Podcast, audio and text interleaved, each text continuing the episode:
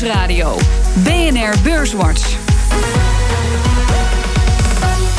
Jelle Maasbach. Welkom bij Beurswatch, het enige beleggingsprogramma op de Nederlandse radio. Met Richard de Jong, directeur bij Van Lieshout Partners. En Ralf Wessels, beleggingsstratege bij ABN AMRO Mees Pierson. Heren, welkom. Mooi dat jullie dankzij deze door deze tropische hitte zijn gekomen. Uh, het was een hele drukke cijferweek. Uh, Richard, om met jou te beginnen. Ben je de week een beetje doorgekomen? Ja, zeker. Maar het was wel de week dat met name de tech-aandelen zichzelf niet meer konden verschuilen. Uh, weer in duidelijkheid was hoe het nou echt met ze gaat. Dus dat was spannend en mooi. Bij jou, Ralf? Nou, ik ben de week vooral zwetend doorgekomen. Maar beurstechnisch gezien ben ik optimistisch. Het gaat goed met het cijferseizoen. Ondanks dat we natuurlijk wat koppen hebben, maar dat geeft vertrouwen. Het was de week waarin het Nationaal Hitteplan van stal werd gehaald, code oranje werd afgegeven en het ook broeierig warm was op de Amsterdamse beurs. De AX bereikte begin van de week de hoogste stand sinds de zomer van 2001. Ook een week waarin een einde kwam aan de overname van NXP. Qualcomm neemt het bedrijf uit Eindhoven niet over, zegt directeur Guido Dierik. Eindelijk duidelijkheid, maar niet echt eh, de duidelijkheid die wij wilden uiteraard. Ja, aan de ene kant zijn we natuurlijk heel erg teleurgesteld. Hè, want samen met Qualcomm hadden we echt eh, het semiconductorbedrijf, het chipbedrijf eh, van dit moment kunnen vormen. Ook was het de week dat Shell meldde dat het 30% meer winst had geboekt in het tweede kwartaal. En toch, zegt analist Koen Bender, viel het tegen.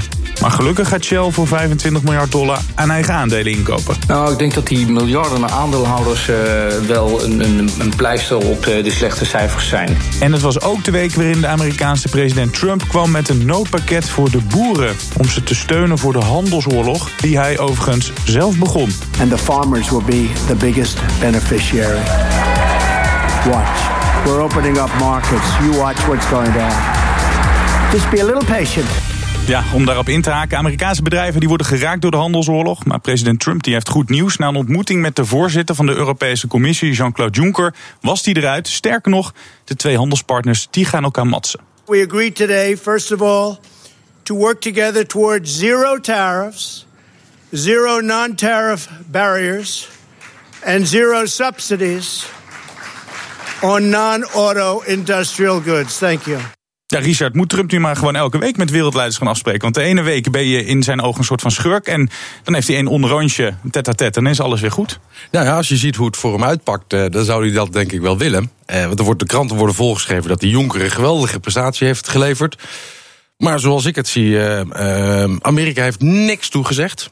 Ze blijven de, de, de importheffingen op staal en aluminium blijft, blijven ze gewoon houden.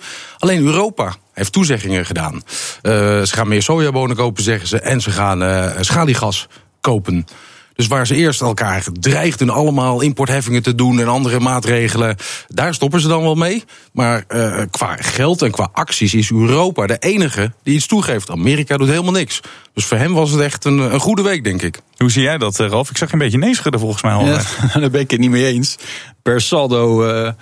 Uh, ja, is er eigenlijk weinig concreets afgesproken. En is vooral belangrijkste conclusie dat het uh, niet verder escaleert. Uh, maar ook die, in principe gaan ze nu praten om het te, verminderen en eruit te komen. En dan is ook onderdeel daarvan om die tarieven op staal en aluminium terug te draaien. En de, het antwoord wat Europa erop heeft gegeven.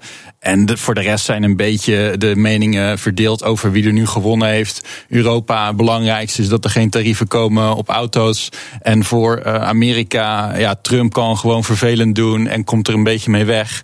En wat betreft bijvoorbeeld die sojabonen en die, die LNG. Het zijn vrij markten in Europa, hè, dus er zitten geen barrières op. Dus het is aan boeren uiteindelijk als ze die sojabonen kopen. We hebben hier dus eigenlijk niet zoveel aan. En, en dat gas, Russisch gas, is goedkoper. Dus uh, het zijn een beetje. De toekomst moet uitwijzen of Trump net niet zoals met de Chinezen. weer gewoon nadat hij een mondeling akkoord heeft. dat hij een week later weer een tweet eruit gooit. Uh, dat hij uh, toch weer aan iets denkt. dat is zeg maar de grote onzekerheid. Hoe moet je hier als belegger op reageren, Richard? Niet. Uh, kijk, dit blijven allemaal dreigementen. Je moet kijken naar de, naar de acties. Uh, de acties zijn nu. Uh, het lijkt er voorlopig op dat er geen handelsoorlog is. Dus dan zie je een aantal hele cyclische aandelen. Of aandelen die profiteren van wereldwijde handel. Die zie je even, even opveren.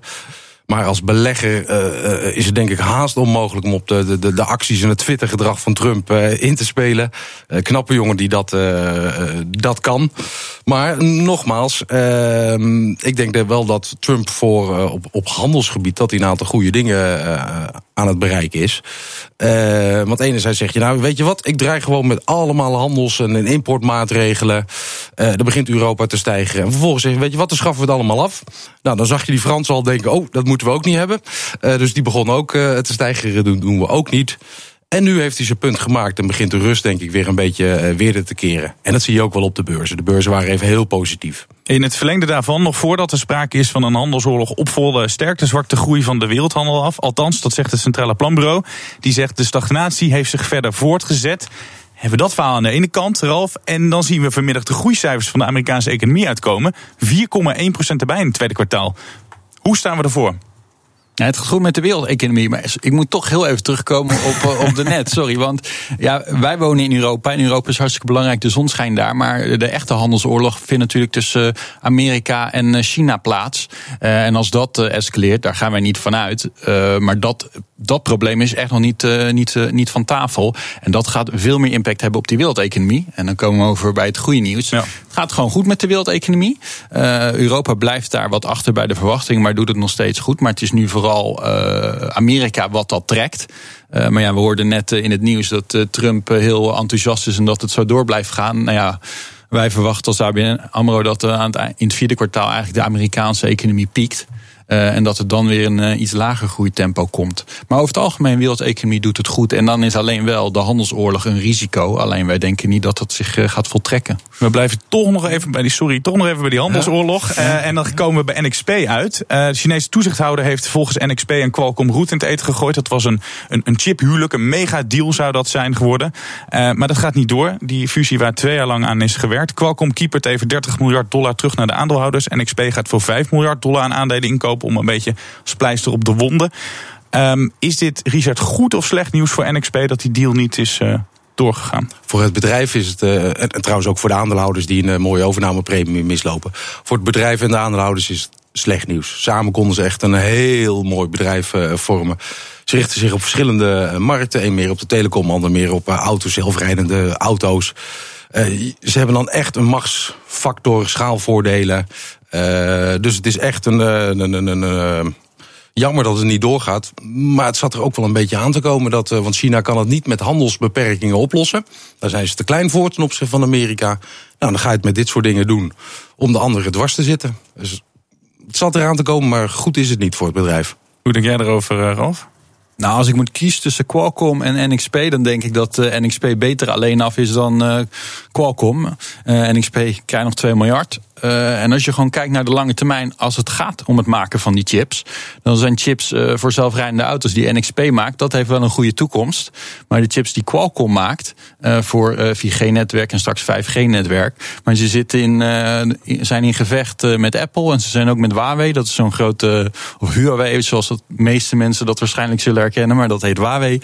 Daar zijn ze mee in gevecht. Dus eigenlijk, zij zitten niet in een markt met dezelfde mooie toekomstvooruitzichten als de chipmarkt waar NXP in zit. Ja, gisteren spraken wij een uh, aangeslagen uh, NXP-directeur Nederland, Guido Dierik. Uh, die zijn nog wat opvallend. En dan komen we toch weer bij die, bij die, bij die handelsoorlog uit. Hij verwacht sowieso, en dan ben ik benieuwd hoe jij daarover denkt. Hij verwacht sowieso de komende tijd geen overnames. Luister maar even mee. Er is geen enkel groot chipbedrijf dat niet en in Amerika en in China zit. En zolang daar die grote spanning blijft zitten, zul je denk ik geen enkele grote overname in de chipindustrie zien. En zeker niet van ons. Ik zie jou instemmen, instemmend knikken. Nou ja, kijk, voor de aandeelhouders is het natuurlijk op dit moment een slechte zaak. Want de prijs eh, gaat omlaag en ze hadden een hoge prijs kunnen, kunnen krijgen. Maar lange termijn ben ik niet negatief. Hij heeft wel gelijk, want uh, als het gaat om technologie, China wil chiptechnologie ontwikkelen. Daar heb je heel veel kennis uh, voor nodig. Uh, en die proberen dit nu al wel een beetje tegen te houden. Um, en, want ze hebben eigenlijk geen eens een goede reden gegeven. Hè. En ze zeg, kwamen vandaag naar buiten met: oké, okay, we, we, willen het nog niet definitief afzeggen. Maar ja, de bedrijven hebben natuurlijk al bedankt en uh, vaarwel gezegd. Uh, dus de kans is klein. Dat, uh... Ja, maar dit is, voor China is dit gewoon inderdaad een manier om te zeggen: van ja, die handelsoorlog, daar hebben wij nu even geen zin in. Want dat hebben zij natuurlijk met paar, paar weken geleden. ZTE? ZTE. Nee, er was zo'n andere overname. Was ook, uh, nou, dat, nee, Qualcomm deed toch een andere overname. Nou, ik ben het even kwijt, sorry. Komen we zo op. Uh... Ja. Broadcom, die Qualcomm ja. wilde overnemen. Ja, Dat werd uh, tegengehouden door de Amerikanen. Nou, dat had de aller, aller, allergrootste ja. chipmaker geweest. Dan naar een ander drama. Een drama voor Facebook en voor het vermogen van grote aandeelhouder, oprichter en CEO Mark Zuckerberg. Gisteren ging Facebook 19% naar beneden. Dat ging voor meer dan 119 miljard dollar aan beurswaarde door het putje. En daarmee verbreken ze een treurig record dat Intel al sinds uh, september 2000 in handen had. Namelijk het grootste dagverlies aller tijden. Uh, Richard, is dat terecht die afstraffing die Facebook heeft gekregen of is het veel te zwaar? Nou, als je gewoon sec kijkt naar de cijfers, je moet onderscheid maken tussen de beursverwachting over de cijfers en de daadwerkelijke cijfers. Kijk je gewoon echt naar de cijfers. Netto winst 30% omhoog, omzetgroei 40% omhoog. Zou menig bedrijf zeggen, nou, ja. het gaat hartstikke goed.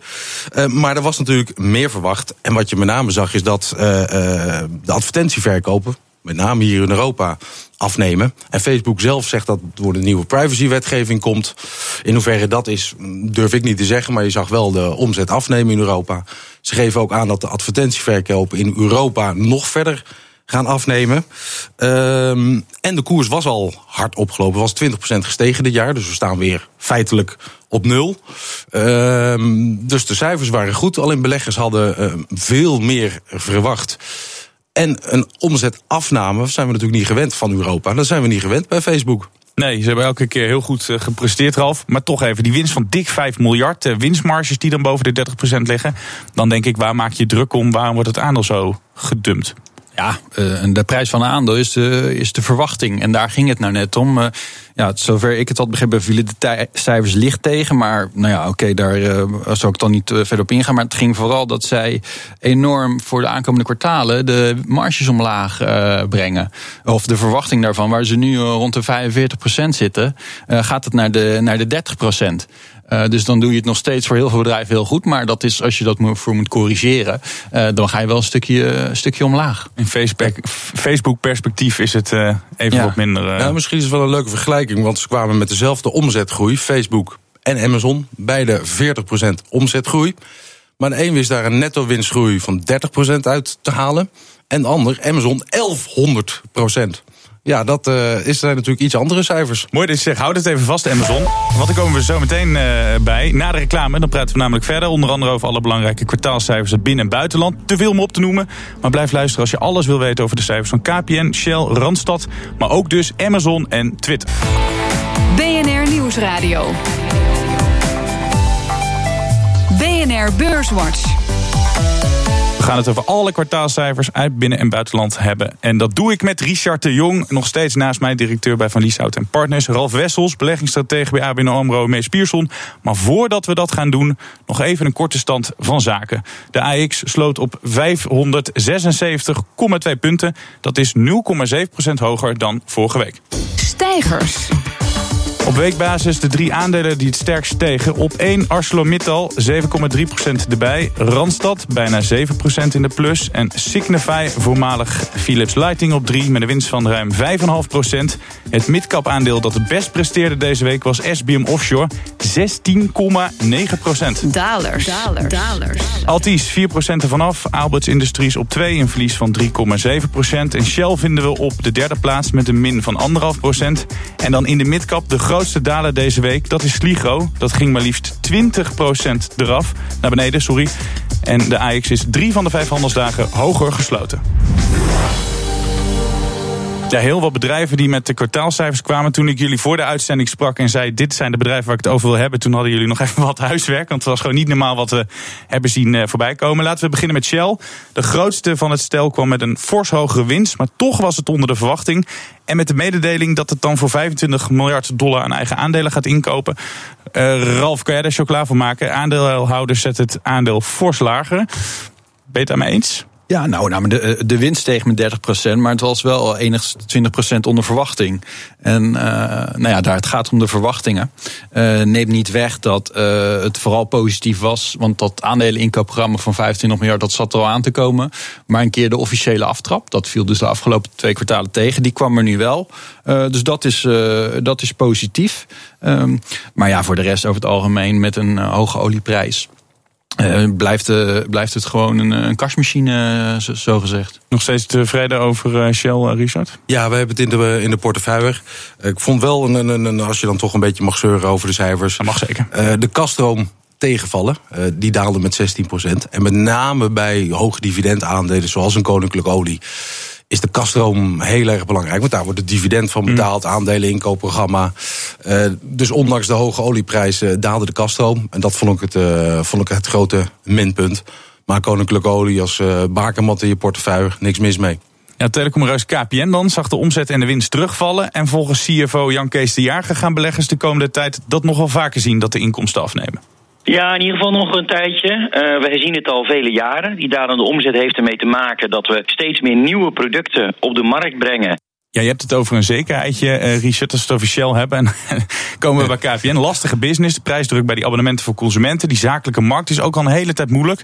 En toch waren beleggers de dag dat de cijfers uitkwamen dol enthousiast over die resultaten.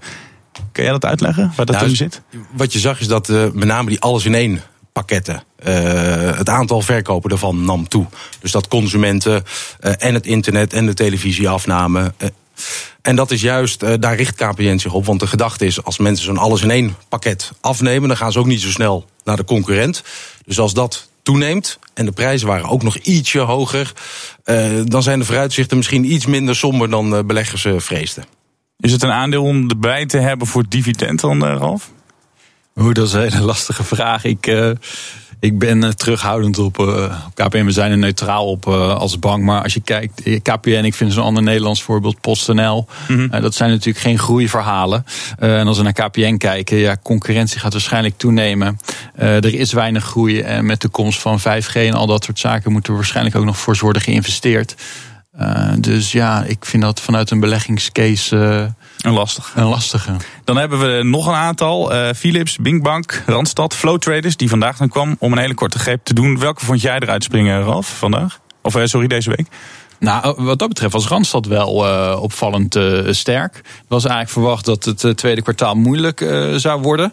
en dat waren hele sterke cijfers. waarbij de organische omzetgroei nou, met zo'n 5% uh, eigenlijk redelijk was. Maar we zien wel dat als je dan wat langer kijkt van uh, ik, cijfers waren goed, maar ben ik dan meteen enthousiast? Nou, dat dan ook weer niet, want we zien wel gewoon het groeitempo afnemen. Ja, vooral in die Zuid-Europese landen. Hè. We zijn echt gewend aan hele hoge cijfers. Beetje, zou je kunnen zeggen, wat bij Facebook is, dat je enorme nou, percentages ziet. Het vlak toch wel af. Uh. Ja, maar daar zijn ze op zich. Uh, daar groeit het nog wel tussen de 6 uh, à 10 procent. Als we het over Italië en Duitsland en Frankrijk hebben. In de Verenigde Staten, wat natuurlijk een grote markt is, daar zien we organische omzetdaling. Oh ja, omzetdaling, sorry. Ja, wat, wij, of wat mij opviel, die aankoop Monster, die doet zijn naam wel een beetje eer, eer aan. Want de presteert is nog steeds niet heel erg goed. Richard, nee, in het eerste kwartaal omzetdaling van 16%. In het tweede kwartaal ook een min van 16%. En toen sprak ik de topman, Jacques van der Broek. En die maakt zich nog niet heel veel zorgen. Dus we zijn in Monster gaan investeren. Dat gaat goed. Die nieuwe activiteiten die groeien. Maar die oude activiteiten, zeg maar die, die krantenadvertenties, met name in de US en Europa gaat het eigenlijk beter. Uh, ja, dat neemt nog af. We hebben goede hoop dat, dat zich dat wel herstelt. Maar dat is niet van vandaag op morgen. Ze hebben natuurlijk best wel veel aankopen gedaan elke keer. Randstad ja. waren wat, wat kleine ja. kralen zeg maar, die ze aan het rijgen waren. Ja, en ze hebben ook meerdere keren aangekondigd. Beleggers, heb nou een beetje geduld. Uh, Monster was misschien een beetje aan de prijzige kant, maar de vooruitzichten zijn heel gunstig. Maar geef ons daar de tijd voor. Uh, maar ook ik vond de cijfers van Randstad zeker niet, niet tegenvallen. We hadden net over een dividendaandeel. Ook een Randstad, terwijl het een cyclisch bedrijf is, een uitzender. 4% dividend, 12 keer de winst. En er zit nog een heel leuk, leuk nou ik wil niet zeggen een addertje onder het gas, want het, is een, uh, het kan een leuk cadeautje zijn. Dat dividend kan ook nog eens een keertje omhoog als zij de schuldratio ietsje naar beneden weten te brengen. Ze hebben zelfs gezegd als de bruto winst ten opzichte van de schuld onder de 1% komt, dat extra stuk gaan we uitkeren, dat hadden ze vorig jaar ook gedaan, als extra dividend. Nou, ze zitten nu op 1,3, dus wellicht zit er nog een extra. En hoe groot is die kans, zeg maar? Nou, ze, uh, begin dit jaar was het anderhalf. Uh, uh, en nu 1,3. Dus misschien dat ze het net halen. maar dan heb je nog even wat, wat voor nodig steekt naast jou iemand zijn vinger op die ja. wat wil zeggen, Ralf? Nou, kijk, dit is heel erg naar bedrijf gekeken. En dat zijn in principe eh, dingen die kunnen, zich goed kunnen ontwikkelen. Maar je moet hier bij Randstad moet je natuurlijk gewoon naar de economische cyclus kijken. En het is natuurlijk super vroeg cyclisch bedrijf. En uh, ondanks dat het nu economisch hartstikke goed gaat, uh, zeker in Nederland en ook in de Verenigde Staten, gaan we wel langzaam richting het eind uh, van de cyclus. Dus ik denk niet als je naar een relatieve outperformer, dus die het beter mm. doet dan de markt, dat je daar met Randstad voorzichtiger mee moet zijn. Maar jullie zijn toch positief over economie, vertelde je? Of ja, ja, maar we zien wel, zeg maar, uh, we zijn positief, maar we zien wel de groei afvlakken, ondanks dat die hoog blijft. En uiteindelijk, Randstad moet je kopen als je zo'n beetje bij de dip uh, zit, Als, dat, dat was het 2009. ja. En om daarop in te springen, uh, bruggetje, uh, over een dip gesproken. En er is een bedrijf op Wall Street wat een enorme dip heeft. Twitter, min 18% op dit moment. Voor het derde kwartaal breien was er winst, dat is het goede nieuws. Maar dan komen we bij het aantal gebruikers. Dat is afgenomen van 336 miljoen naar 335 miljoen. Die afstraffing, Richard, zijn beleggers niet te hard voor tech-aandelen op dit moment? Nou, dan moet je even kijken dat 1 miljoen gebruikers weggaan. Dat is natuurlijk geen mannen overboord. Uh, maar je moet altijd bij beleggers rekening houden. Uh, je hebt de cijfers, maar ook beleggers zijn vaak al vooruitgelopen op de cijfers. Nou, ondanks deze afstraffing is het aandeel volgens mij dit jaar nog steeds 50% hoger. Dus beleggers waren zo gespannen en gingen er zo vanuit dat die cijfers verschrikkelijk goed waren. Nu zijn die cijfers ook goed, alleen ze zijn minder goed dan gehoopt of verwacht. Dus dan krijg je even een tik. Maar je staat nog steeds 50% in de plus dit jaar. Dus nog steeds hashtag geen probleem, eh, Ralf? Nou, wat je gewoon ziet, en heeft dit er natuurlijk al een tijdje uh, last van. Uh, het aantal dagelijkse gebruikers. En daar, daar, daar, heb je het net over. Uh, en meer het beeld wat je net schetst gaat slecht in IT. Kijk, een paar hele bekende namen. Netflix, dat valt dan ook tegen. Het gaat dan ook weer om nieuwe abonnees. En Facebook, daar neemt ook het, het gebruik dan van af. maar dan denk ik aan de andere kant. we hebben ook Google of Alphabet, zoals het tegenwoordig heet. En Amazon. En dat gaat nog allemaal Hosanna. Ehm, dus we moeten ook niet uh, meteen te negatief over IT, uh, over IT gaan doen. En ja, Twitter. Wat ik een beetje uh, lastig vind met Twitter, ik zit er zelf op, um, dat het, ja, de reclames en het verdienmodel is gewoon anders dan als je het hebt over een Instagram. En het is natuurlijk allebei social media. Mm -hmm. en dan zie ik wel bij anderen dat het daar makkelijker kan gaan. Maar het ook wel redelijk. Ja, sorry. Ja, en de omzet steeg gewoon met 24 procent. Ja, dus, dat zag er dus gewoon niet heel uh, slecht uit. Nee, het, het, het is gewoon goed. Uh, uh, ze hebben altijd verlies gemaakt, dus ze maken eindelijk winst. Er zat wel een grote belastingmeevaller uit, uit Brazilië in verwerkt. Maar eindelijk maken ze winst, omzet stijgt. alleen de waardering is ook wel erg fors. Dus wat mij betreft zijn er in de IT op basis van de waardering ook wel wat betere aandelen te vinden. Over waardering gesproken, Amazon, daar hoeven ze zich ook niet echt zorgen te maken. Die hebben met 2,5 miljard dollar de hoogste kwartaalwinst uit de eigen geschiedenis neergezet. Um, de commentator bij CNBC die schrok ervan uh, toen het op een gegeven moment binnenkwam. Earns uh, per share. Uh, Ralf, schrok jij er ook van dat het zo goed was? Nou, eindelijk eh, konden beleggers dus niet zeuren over de winstontwikkeling. Maar dan viel de omzet weer wat tegen. En dat was nu wel weer het andere stokpaardje als we het over de winstenwaardering hadden. Dat de omzetwaardering redelijk was. Nou ja, gewoon mooie cijfers. Kijk, het onderliggende beeld van Amazon als een uh, ontwrichter in wat voor markt dan ook. Uh, dat is natuurlijk de kracht van het bedrijf. Maar de extreme verrassing zat hem natuurlijk in de cloud business. Waar ze enorme groei lieten zien. En wat uh, daar loopt uh, Amazon eh, echt in voorop. En daar zijn ze jaren geleden eigenlijk heel stil mee begonnen. En het is een van de. Het loopt er zoals gezegd in voorop. Maar het is ook een van de weinige partijen die heel groot aan, aan bedrijven daarin levert. Dus ja. Goed verhaal. Het meest slechte nieuws van deze aflevering is in ieder geval dat we bij het einde alweer zijn gekomen. uh, maar tot slot altijd nog even de tips. Wil ik van, alle, van jullie allebei weten welk aandeel, welke obligatie of welke sector alles mag. Je mag er alleen zelf geen voordeel uh, van hebben. Uh, Ralf, om dan met jou te beginnen? Ja, nou ja, ik heb er geen eigen eh, positie in. Maar ik moet wel even zeggen dat uh, voor het beleggingsproces je op onze corporate website moet kijken. Uh, ik heb Tom Tom. Heeft alweer een redelijk herstel. Of hij is eigenlijk alweer terug van, van waar die stond. Maar als we het dan hebben over die ontwikkelingen in nog wel technologie. En we hadden het met de NXP al over zelfrijdende auto's. Uh, dan blijf ik daar op de lange termijn enthousiast over. Vind ik dat een mooi bedrijf. En ja, ik weet dat de consumententak. dat daar problemen zijn. Ondanks dat het met de cijfers dan weer verrassend was. Maar dat is uiteindelijk een krimpend onderdeel van het geheel. En uh, zeg maar gewoon leveren aan andere bedrijven wordt steeds groter onderdeel van de omzet. Navigatiebouw TomTom Tom voor Ralf. En wat is het voor Richard? Nou, ik blijf ook in de, in de tech-sector. Uh, En wat mij betreft een van de mooiste bedrijven ter wereld wellicht. Het Nederlandse ASML. Cijfers hartstikke mooi. Uh, nauwelijks concurrentie, zeker niet met die nieuwe technologie. En uiteraard gaat het mee op de golven van de economie. Maar voor een langetermijnbelegger, prachtig bedrijf, prachtig aandeel. Nog steeds niet te duur dus uh, voor jou? Nou, het is niet spotgoedkoop. Uh, maar voor een langetermijnbelegger uh, hartstikke mooi voor in de portefeuille. Daarmee zijn we helaas aan het einde gekomen van deze aflevering van Beurswatch van deze week. Ik dank mijn gasten van vandaag. Richard Jong, directeur bij Van Lieshout en Partners. En Ralf Wessels, beleggingstratege bij ABN AMRO en Mees Pierson. Volgende week is er natuurlijk weer een Beurswatch. Deze uitzending kunt u naluisteren op de website van BNR of via de BNR-app. En heeft u nog vragen, dan kunt u altijd een tweet sturen naar @jmaasbach. Dank voor het luisteren. Tot volgende week.